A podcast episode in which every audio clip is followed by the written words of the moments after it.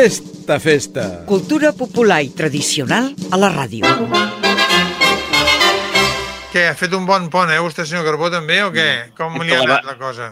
He fet la vertical pont, Ventura. Què vol dir això, la vertical al pont? Del, del tot, del, del tot. Miri, jo vaig empalmar una baixa, recordi que jo estava malalt tota la setmana a setmana, amb un pont enorme. Vull dir que jo no me'n recordo ja l'últim dia que vaig anar a treballar. Se'n recorda on treballa, però Sí, això sí, això sí. a lo millor li han guardat la plaça. Vagi a saber, igual no, eh? Si no, miri, vingui a la ràdio i alguna farem també, eh? Vull dir, Jo no crec que... Bueno, no sé, ja veurem. Escolti, bona senyora Carbó, jo així he fet un pont de res. Doncs jo no, jo m'he dedicat a visitar molts bons amics, m'ho he Mhm. passat molt bé. Dimecres passat vam estar amb la- amb l'acte de cultura popular d'això de la Verge Maria, de la Torre de la Verge Maria de la Sagrada Família, que em Mhm. tocaven algunes musiquetes instrumentades per mi, que em va fer molta il·lusió. Vull dir que hem estat movent-nos molt, però es veu molta gent a tot arreu i això, eh, guardant distància, poca, eh? Això, aquest pont ha sigut descarat. eh, Com està? Jo... Com està? Uf, Jo... Uf, eh, em fa patir una mica, eh? sí. Perquè per un cantó veus, veus la, la realitat, els números que se't presenten cada dia, d'increment de contagis, d'increment no alarmant de, de gent hospitalitzada, però digue'ls els que estan hospitalitzats, no? Exacte. Uh, els que estan a la UCI, que bueno, encara hi ha, hi, ha un mar, hi, ha, hi ha marge, no? que dius, home, sí, però no cal. I veies els carrers i dius, home, si em demanen un passaport Covid per entrar a prendre un cafè o per... Uh... Home, veies espais oberts, això sí, que estaven eh, apinyats de gent a les fires, etc etc, sense ordre ni concert, i la veritat que a mi, i que jo sóc una persona poc, en aquest cas, poc alarmista, eh? però a mi em feia cosa, eh? la veritat. La gent hauria de pensar una mica que no són xifres, que són persones i quan ho has viscut tan a la vora com ho hem viscut nosaltres aquests darrers dies, eh, fa molt que pensar. Més val que la gent tingui una mica de seny i a veure si així d'aquesta manera podem passar un Nadal com ens agradaria passar-lo a tots plegats. Ara comencem el Festa Festa. I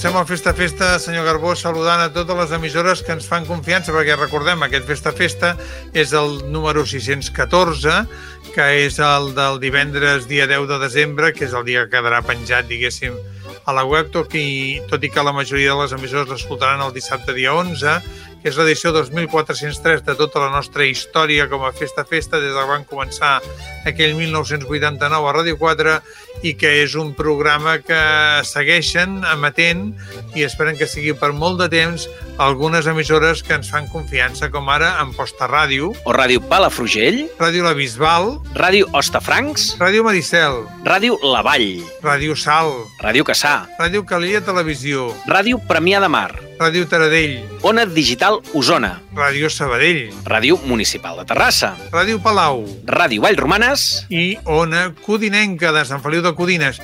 Tots plegats eh, els hi donem les gràcies per fer-nos aquesta confiança, però també la gent sap que si vol ens pot escoltar a través del podcast amb les aplicacions d'Apple, de Google, de Spotify i d'Overcast. i sempre podreu accedir als nostres continguts des de VilaWeb, des del Tornaveu i des de barcelona.cat barra cultura popular, la web de l'Institut de Cultura de Barcelona. Pel que fa a la dedicatòria del programa, eh, la setmana passada els presos, els represaliats i els exiliats polítics els hi van fer el salt per homenatjar el nostre benvolgut absent Josep Maria Francino, però nosaltres avui tornem una altra vegada i els hi tornem a dedicar a tots ells. Per tots vosaltres va aquest Festa Festa.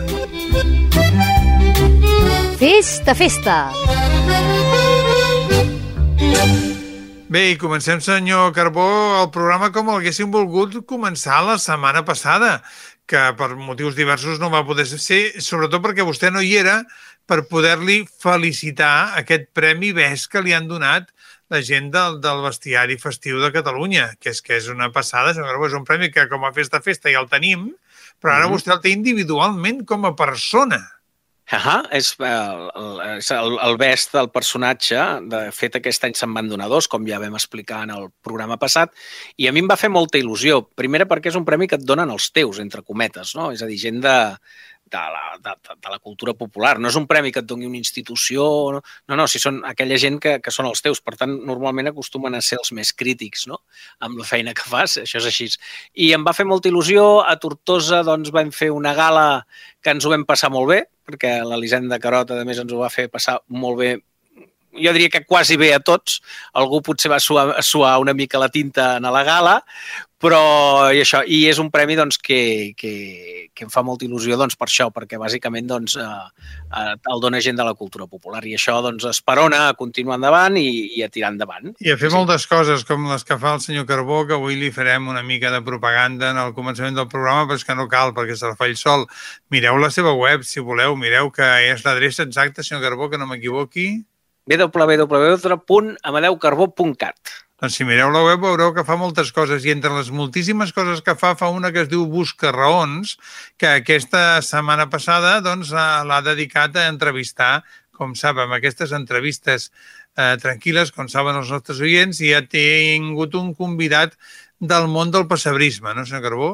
Sí, eh, he entrevistat a l'Enric Bernabé Vallès i hem centrat eh, la conversa no només en el passebrisme, sinó en el passebrisme social, que seria un passebrisme que té una mirada atenta, reflexiva, eh, reivindicativa a l'entorn i als fets que passen en la societat actualment. No?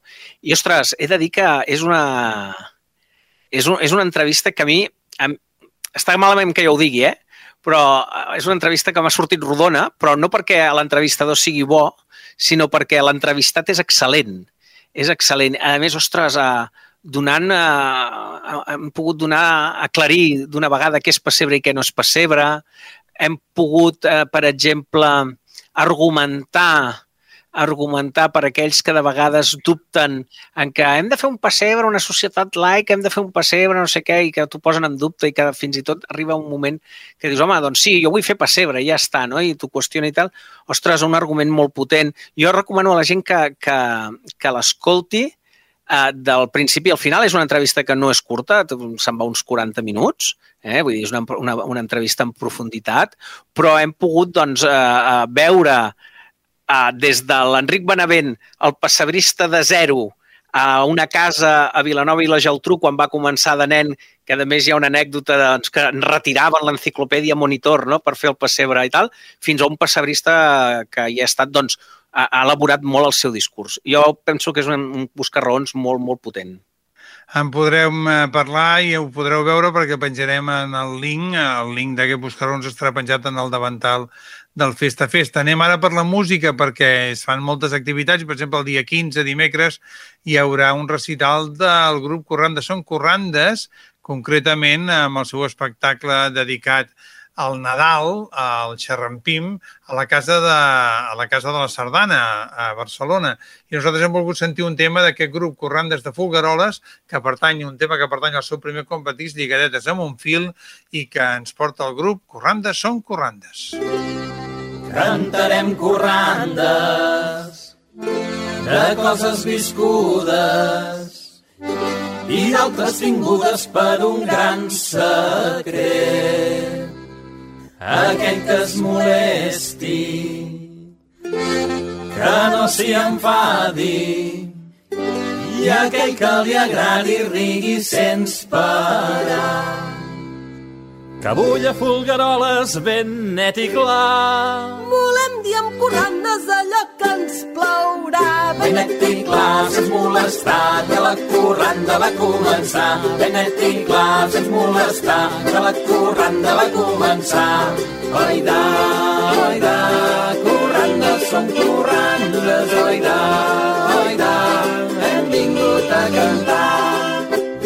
No li cal pas que Marino el seu vers en té escoles. Us presento un carolino que ha vingut de Folgueroles. Oida, oida, torrandes són torrandes, oida, oida, hem vingut a cantar.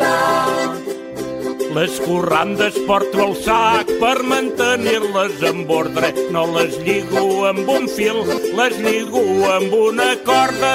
Oida, oida, corrandes són corrandes, oida, oida, hem vingut a cantar. Els polítics de paper en són com un carrosí. No saben fer alta lei, els de més no deixen teixir. Oida, oida, corrandes són corrandes, oida, oida, hem vingut a cantar. La vida al taler s'enreda, pot eixir millor pitjor. Els rics solen ser la seda, els pobres són el cotó. Oida, oida, corrandes són corrandes, oida, oida, hem vingut a cantar. Corrandes han set cantades a la mida de cinc pams. En donem per acabades les corrandes dels lligams. Oida, oida, corrandes són corrandes, oida, oida, hem vingut a cantar. De corrandes en fa mil ha quedat ben demostrat que en Carolino en té uns fils que et deixen ben enredat. Oida, oida, corrandes són corrandes, oida, oida, hem vingut a cantar. Oida, oida, corrandes són corrandes, oida, oida, hem vingut a cantar. Corrandes de Folgueroles, aquest tema popular que ens ha interpretat el grup Corrandes són Corrandes i que hem extret del seu primer compact disc que van editar l'any 2017, Lligadetes amb un fil. Festa, festa! I si jo parlava de la Casa de la Sardana, doncs eh, ben a la voreta, res, un parell de travessies d'allà hi ha la Casa dels Entremesos a Barcelona. Vinga a la plaça de les Beates, allà tocant gairebé a la Via Laietana, i allà el senyor Garbó també ens ha d'explicar coses que hi han molt interessants, com una exposició d'avi i net, diguéssim, de pessebres, no? Doncs sí, perquè dintre la programació nadalenca de la Casa dels Entremesos trobem l'exposició Boig pels pessebres, una col·lecció de naixements i coves del Juan Pérez Iniesta i del seu net Jan Pérez Caballero. És una mostra de naixements i coves de pessebres doncs, originals, de creacions privades, d'obres populars, de peces comercials, etc, procedents de diversos indrets del món i és una, bé, una completa selecció, és una col·lecció d'aquest avi i d'aquest net, no? Ah. Uh, I això doncs, la podreu veure a la Casa dels Entremesos fins al 8 de gener. També hi ha una exposició de diorames de pessebres, hi ha moltes coses, vull dir que el pessebre popular i humorístic i, i baixes, aneu a la Casa dels Entremesos i allà trobareu Nadal, eh? trobareu, trobareu Nadal, que és una bona manera d'explicar-ho. Com també trobareu Nadal en els concerts que farà, per exemple, la Copla dels Montgrins, en té un parell de programats que són concerts nadalencs al Teatre Fortuny de Reus el dissabte dia 11 de desembre, és a dir, aquest dissabte a dos quarts de nou del vespre hi ha un concert eh, de Nadal, evidentment, perquè és en aquestes dates, però també un motiu del 60è aniversari de la colla sardanista Rosa de Reus. I després el concert de Nadal que fan a Calella cada any. No us en oblideu. Eh, en aquest cas, sota la direcció del seu titular, Jordi Molina, el diumenge 19 de desembre a, a les eh, 6 de la tarda a la sala Mozart de Calella. Allà hi haurà el concert de Nadal, el, el tradicional concert de Nadal de la Copla dels Mongrins a Calella. Dit tot això, escoltem un altre tema musical, senyor Carbó, que ens, ens col·loca una mica també amb, amb temes nadalencs, perquè és una sardana que el mestre Lluís Albert va escriure l'any 1992 per la mostra de passebrisme internacional que va haver-hi a Olot amb motiu de l'Olimpiada Cultural i que es titula Cantant al Pessebre. La van registrar aquell mateix any, 1992, la Copla Ciutat de Girona i la sentim ara aquí al Festa Festa.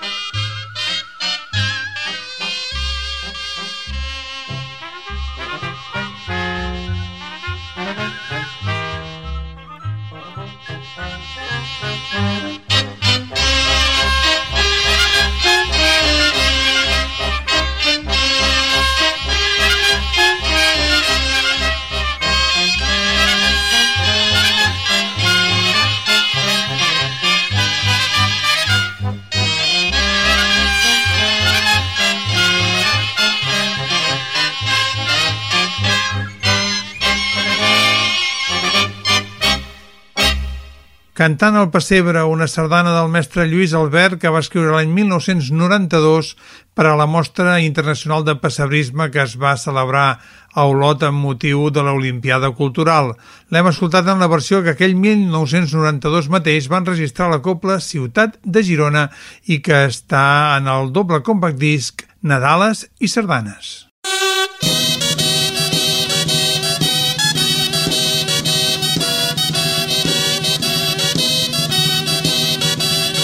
Festa, festa.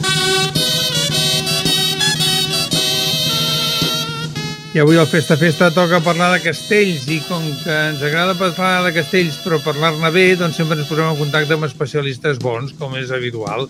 Ah, els amics del baròmetre casteller tenen efectivament una, una coneixença del tema que ens fa, a nosaltres ens millora i per tant nosaltres també volem tenir aquesta millora contactant de seguida amb en Carles. Eh, Hola Carles, què tal? Com estem? Parlem Molt bé, de castells una mica o què?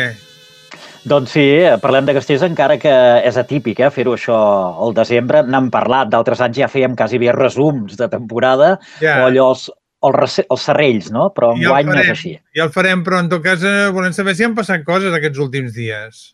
Doncs sí, encara han passat coses, encara en pot quedar alguna més per, per veure's, però mira, els darrers dies, per exemple, hi ha colles que han fet el seu primer castell de set de, de la temporada. És el cas, per exemple, de la colla jove de Barcelona. O sigui, estem parlant d'una colla que ha arribat a fer castells de vuit. També han fet doncs, castells de sis en aquests darrers dies, colles més, més petitones, com els de Montblanc, per exemple, els de Sarrià, que també van tornar a sortir després de l'aturada, els de l'Esquerra d'Eixample també van eh, fer un castells sis aquests darrers dies. O sigui, han anat ampliant la gamma d'aquestes colles petites, com els de l'Arbós, Vilaseca, Tortosa, atenció, és l'única colla, els castellers de Tortosa, que ha fet quelcom més que no havia fet mai abans d'aquesta temporada. O sigui, superar-se tot just, el que sí és veritat és que és el Pilar de 5, que ja és un espadat complicat per una colla petita, però és l'única colla que ha fet alguna cosa que no havia fet mai. O sigui, per tant, l'única que, que s'ha superat. I els xiquets de Torredembarra, que també és una colla que va néixer el 2019, pobrets, eh, en plena inici de la pandèmia, es pot dir, i doncs es mantenen fent castells de sis. Això és el que ha passat aquests darrers dies,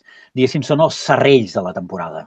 Hi ha una cosa, Carles, que a mi em dóna la sensació, no sé si tu m'ho confirmaràs, poca llenya, no?, en tots els castells. No s'han vist castells molt importants, però hi ha hagut molt de seny, no? O què? Sí, sí, sí, sí, és que no, no, no podria ser d'una altra manera. Eh? Per- Primera, per volum, no? Com me- menys castells fars, doncs menys possibilitats de caure. I, evidentment, la progressió, com no hi ha tantes setmanes de castells, les colles comencen fent de 6, després de 7, de 8, de 9, llavors ja havia la gamma extra i els de 10 cap a novembre, no? Aquest any ha sigut tan curt que no ha donat temps a, a pujar i s'han fet uns 600 castells per part de 58 colles. Eh? Vull dir, n'hi ha que potser n'han fet 50 i n'hi ha que només n'han fet 3 eh, de castells, de mitjana.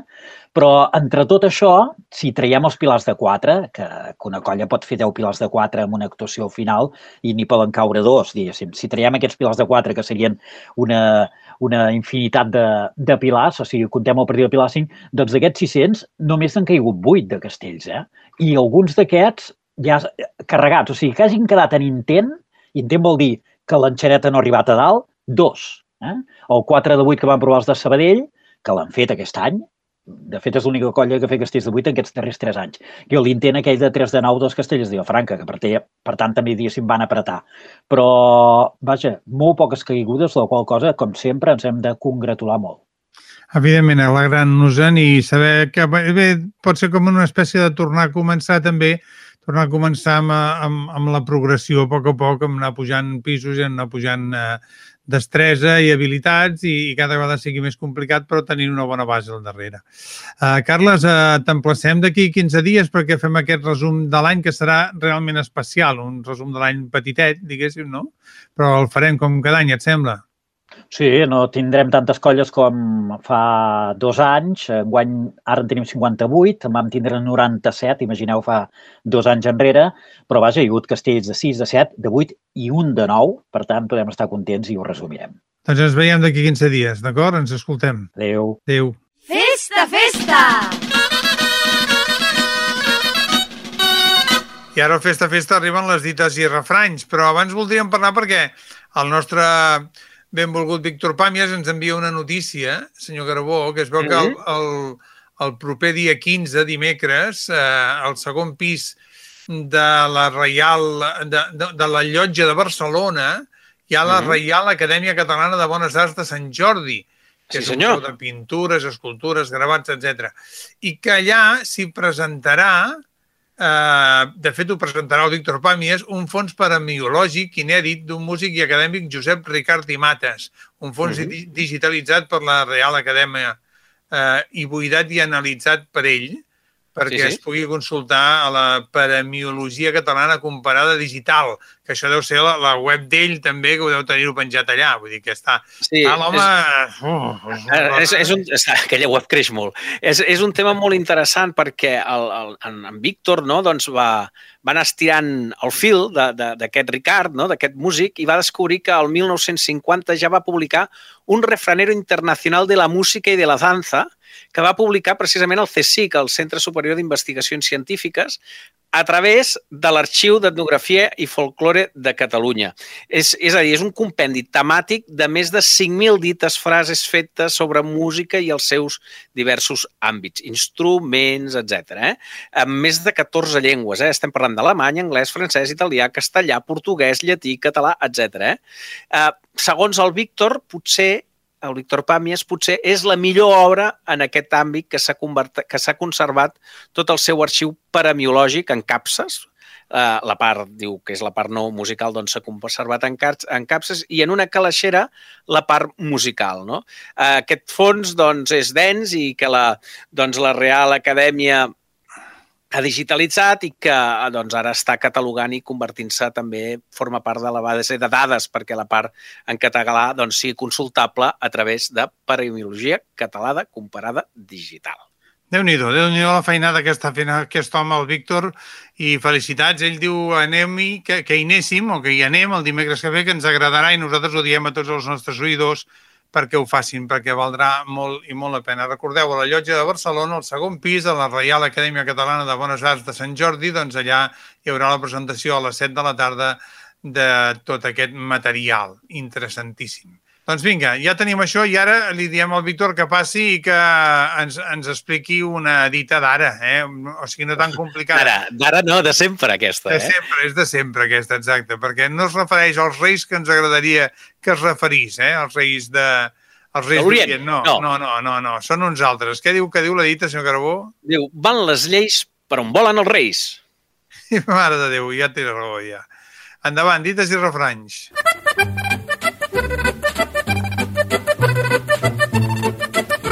Fes de festa. Dites i refranys. Amb Víctor Pàmies.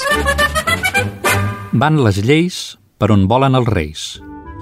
I per això som independentistes, i laics, i republicans, perquè no pot ser que es legisli pels interessos d'uns pocs i en contra del bé comú. Una altra economia és possible, una altra societat és possible, més justa, més solidària, sense tanta desigualtat ni anestèsia. Per això és important que, paral·lelament al procés sobiranista, hi hagi un debat social a fons de com volem que sigui aquesta Catalunya. Actualment la separació de poders és una fal·làcia i tenim llops vigilant els ramats d'ovelles. I el que ens cal són vigilants i mitjans per controlar els qui tenen el poder. Van les lleis per on volen els reis. Gràcies, Víctor Pàmies. Fins la setmana que ve tindrem una altra dita, un altre refrany aquí, al Festa Festa.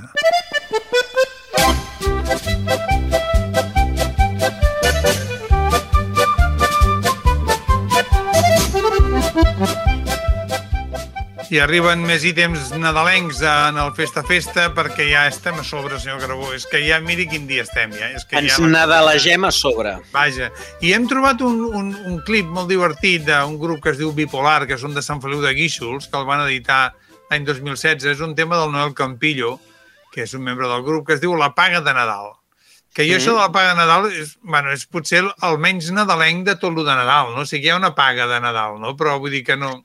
També n'hi ha una de l'estiu i n'hi ha una altra, no? Vull dir que hi ha gent que fa... Oh, oh, que ja, ja vostè en veu moltes, una de No l'estiu, podem- una de la dalt, una altra. Jo, jo en tinc dues només, eh? Però jo he conegut gent que tenia tres pagues, eh? Jo n'he conegut quatre. algun, eh? I, qu- i eh? quatre. Depèn Doncs bé. del sector. aquesta gent diuen la paga de Nadal, no sé si ben bé... Va, és igual, la qüestió és que Bipolar va sortir al panorama musical amb una proposta molt moderna i directa i van treure tres discos, el 2016, el 2018, el 2020, i és un grup doncs, que, bueno, que porten molta marxa i que fan molta, molta fressa. I en aquest nou disc doncs, eh, tampoc no ha sortit... O sigui, aquest tema, concretament, és un tema que no està cap dels tres discos, no? Vull dir que és un single, podríem dir que van treure un moment donat, com una Nadala, ells ho presenten com la millor Nadala del món o alguna cosa així, i vaja, i així estan, diguéssim, i ens presenten aquesta paga de Nadal que, que li dic té bastanta marxeta i funciona bastant bé. Per tant, mira, avui l'hem triat com a el videoclip al YouTube de la setmana. Què li sembla? Eh? Em sembla fantàstic. Doncs vinga, aquest tema del Noel Campillo del 2016. Llavors també va ser quan van penjar el videoclip La paga de Nadal al YouTube de la setmana amb el grup de Sant Feliu de Guíxols Bipolar. Perquè quan arriba desembre a tots se'ns veu tan motivats. La gent amb pressa prepara el pessebre, busca likes pel seu Instagram. Vindem en cada de la terra, guardem un lloc pels canelons. I quan esperes que arribin les neules, la sogra et fa menjar el segon.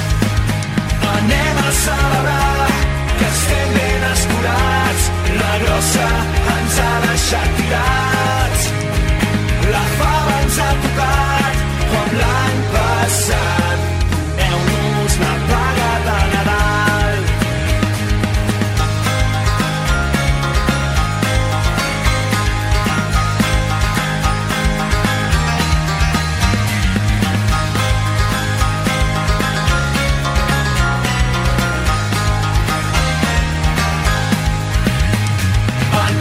Anem a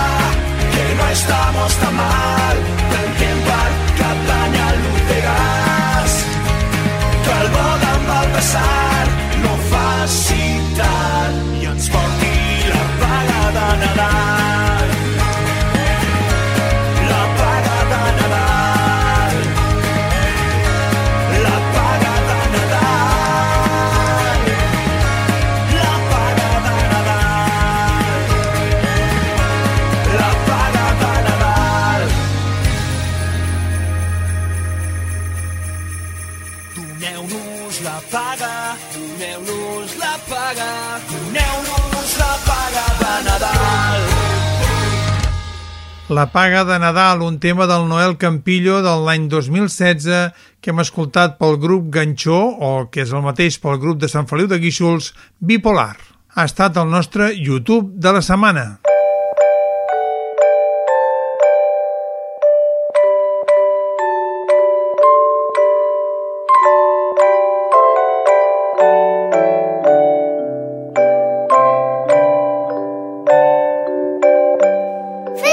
Festa!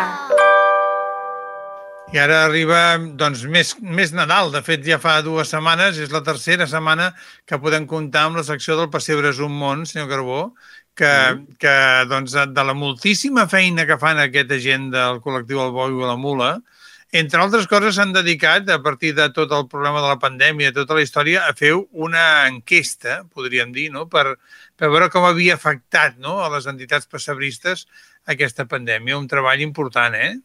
Sí, i així sabem on estem, per dir-ho d'alguna manera. Mm. Els passos que s'han donat enrere i com a poc a poc s'han anat tornant a donar els passos endavant i ens ho expliquen molt bé perquè, vaja, és un article que ha escrit l'Albert Drasaire i que amb la veu de l'Eulàlia Molera doncs escoltarem ara mateix. És El pessebre és un món, la secció pessebrística del Festa Festa. Endavant! Fes de festa. El pessebre és un món. Un recull d'articles pessebrístics en un espai ideat pel col·lectiu El Bou i la Mula. En la veu d'Eulàlia Molera. La pandèmia i les entitats pessebristes. Una enquesta. Aviat farà dos anys que es va declarar la pandèmia de la Covid-19. Ja des del principi, van veure que l'aparició del coronavirus era quelcom que impactaria a la nostra realitat. Res tornarà a ser igual, deia. El món del pessebrisme no ha restat aliè a les afectacions de la pandèmia. Això és innegable. Al Nadal de 2020, el col·lectiu El Bou i la Mula ens van proposar conèixer més a fons quin havia estat l'impacte de la Covid en les entitats pessebristes del nostre entorn. Per això vam proposar la realització d'una enquesta per entendre com la pandèmia de la Covid havia afectat a les activitats organitzades durant el Nadal del 2020. L'enquesta es va fer a totes les entitats que formen la Federació Catalana de Pessebristes. Aquest Nadal 2021 estem donant a conèixer els resultats d'aquell qüestionari. La primera conclusió que es va poder treure de l'enquesta és que la pandèmia va afectar tothom, les respostes recollides mostraven com la pràctica totalitat de les entitats van haver de cancel·lar activitats que habitualment organitzen per Nadal. En el millor dels casos, van poder realitzar actes, però amb les restriccions i els canvis obligats per la pandèmia. Més de dues terceres parts de les entitats que van contestar el qüestionari explicaven que havien hagut de cancel·lar l'exposició de pessebres. És una dada molt significativa, ja que les mostres de diorames solen ser la principal activitat que les associacions organitzen per Nadal. L'enquesta també va servir per corroborar que les entitats van fer un esforç molt important per adoptar les mesures sanitàries que dictaminaven les autoritats i per verificar que, en la majoria dels casos, les associacions pessebristes compten amb la col·laboració de l'Ajuntament de la seva població. Certament que les afectacions de la pandèmia han estat negatives. Amb tot, amb l'enquesta van poder descobrir algunes dades que conviden a un cert optimisme. Com a alternativa a les exposicions, diverses entitats van organitzar mostres de pessebres al carrer, als aparadors de les botigues o en locals d'accés al públic.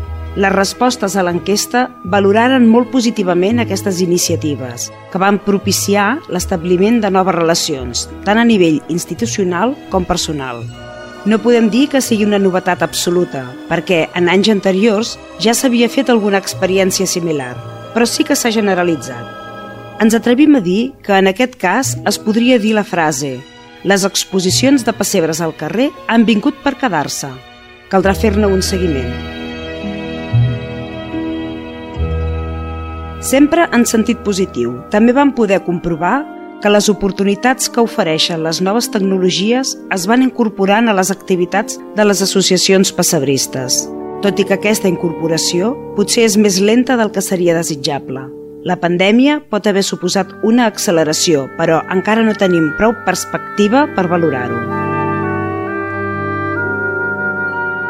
Massa sovint, quan es parla del pessebrisme a Catalunya, es fa des de percepcions subjectives. Amb aquesta enquesta hem volgut posar un petit gra de sorra per avançar cap a un coneixement més objectiu de la realitat del pessebrisme a casa nostra. Però queda molt per fer. Podeu accedir als detalls de l'enquesta a la revista Naixement, que edita la Federació Catalana de Pessebristes. Albert Drasaire Gaudí. Moltes gràcies al col·lectiu El Bou i la Mula per aquesta nova entrega de la seva secció El Pessebre és un món. Ara continua el Festa Festa i arriben els cants de taverna de la mà d'en Xico Sánchez Carcassés. Endavant, Xico.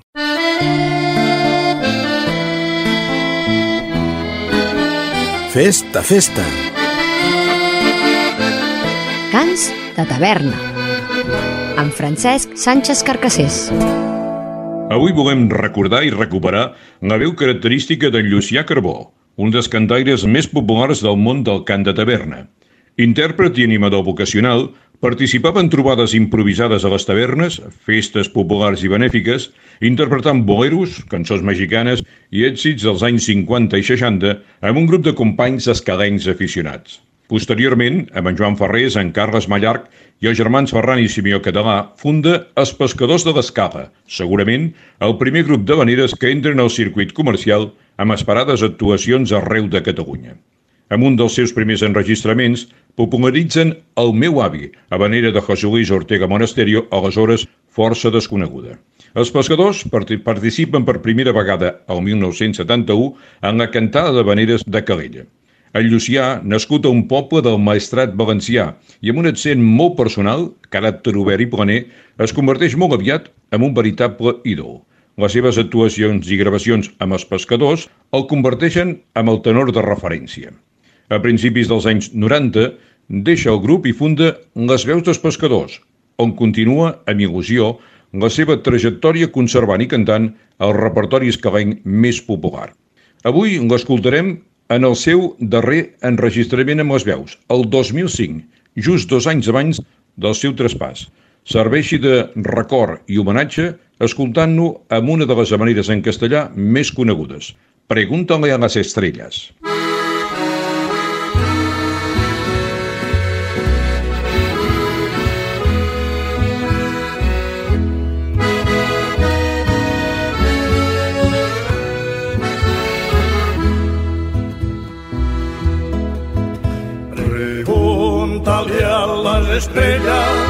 cuando en la noche las ves brillar.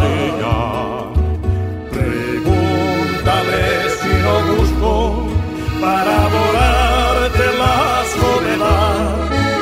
Pregúntale al manso río si el llanto mío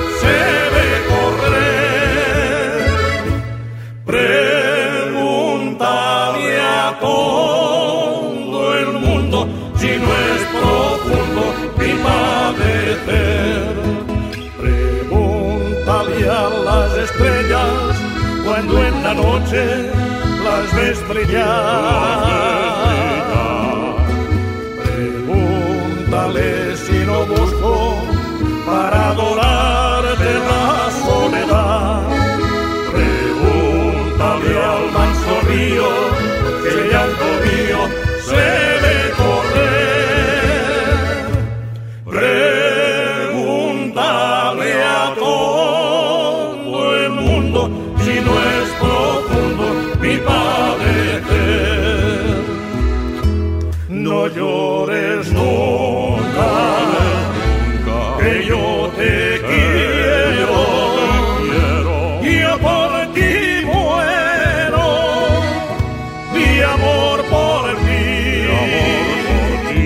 dudas del cielo,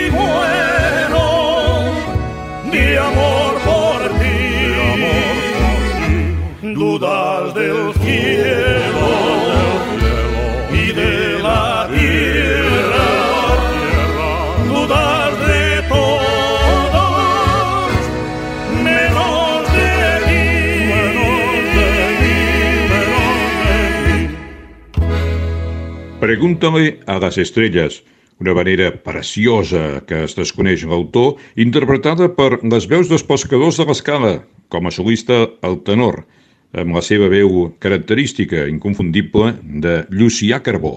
Gràcies, Xico. Hi ha pocs programes que programin eh, cants de taverna o, o habaneres o coses d'aquestes, eh, senyor Carbó, en aquesta època de l'any, al mes de desembre. Nosaltres ho fem tot l'any.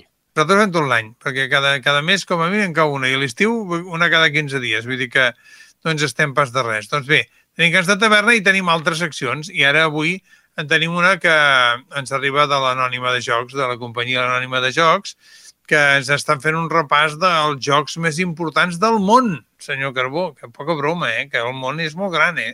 Exacte, és gran, ells, gran, eh? Ells, ells els coneixen tots, eh? O quasi. Bueno, quasi tots, però vaja. De fet, el que presenten avui jo ja el coneixia, també li he de dir, eh? però segur que sabrem coses de l'inici i d'on ve i de tot plegat que segur que no coneixia.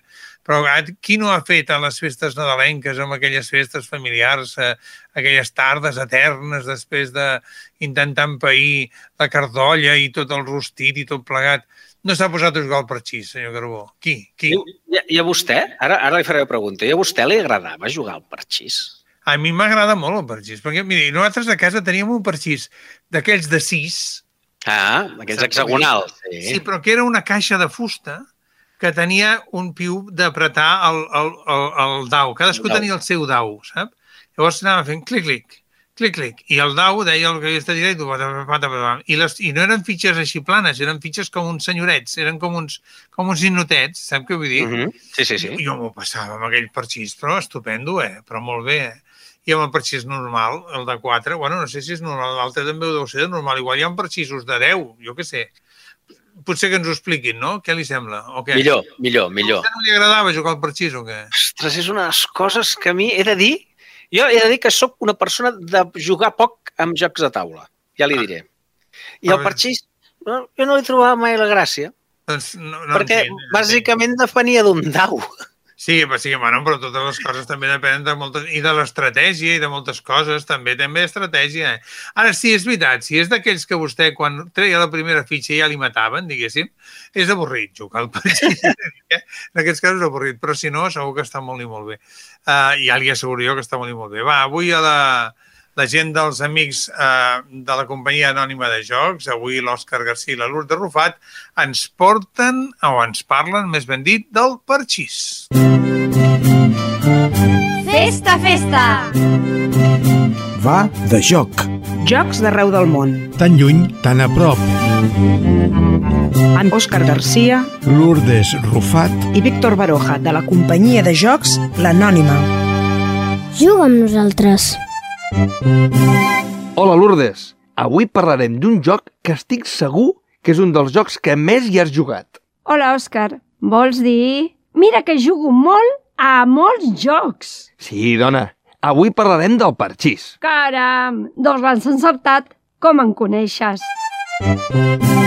Per explicar-te el joc del parxís, ens traslladarem en el temps i viatjarem fins a la Índia al segle VI després de Crist. És d'on coneixem el parxís? Doncs sí, millor dit, el patxici, que és l'ascendent del nostre conegut parxís i que ja tenia la forma actual del tauler. El joc ha evolucionat amb els materials utilitzats, però no gaire en les normes i la manera de jugar. Òscar, em pots explicar alguna coseta del patxici? I tant que sí! El patxici és un joc originari de la Índia i el Pakistan, i el seu nom té l'origen en la paraula índia pathis, que significa 25, que és la major puntuació que podem aconseguir amb les fitxes originàries, que eren sis closques de cauri, un mol·lusc amb un costat còncau i un altre pla que es feia servir com a daus. Sabem que existeix el joc des del segle VI, perquè existeixen taulers gravats d'aquesta data al temple cova de Ellora, a la regió del Deccan. Saps quin era el significat de Pachici? Ostres, no. Estic ben intrigada. Vinga, explica'm-ho. Aquest joc té un gran contingut simbòlic, ja que representa la reencarnació.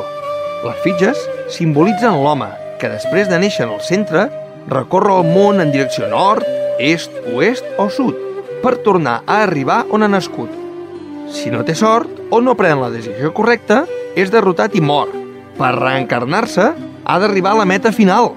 Òscar, tot i que és un joc molt conegut, em pots explicar breument com s'hi juga? I tant!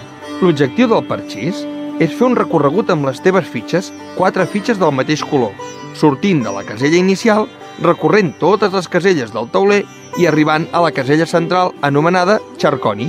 Per moure's, llances un dau i mous una de les quatre fitxes a triar entre les que puguis i estiguin en joc per avançar-les fins a fer arribar-les totes quatre a destí.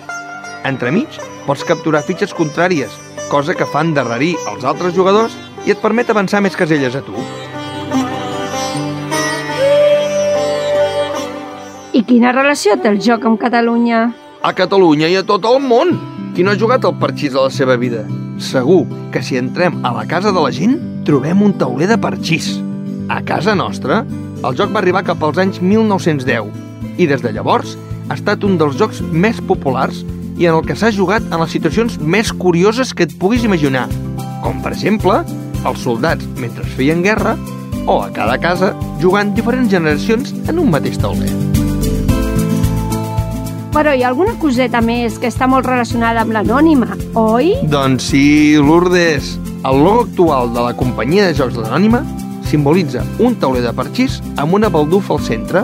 Els quatre colors del logo representen el que anomenem els colors lúdics. Els quatre colors amb què ens mirem la felicitat juganera de totes les persones amb qui compartim la nostra passió per jugar. Caram! A partir d'ara em miraré la vida amb uns altres colors. Festa, festa!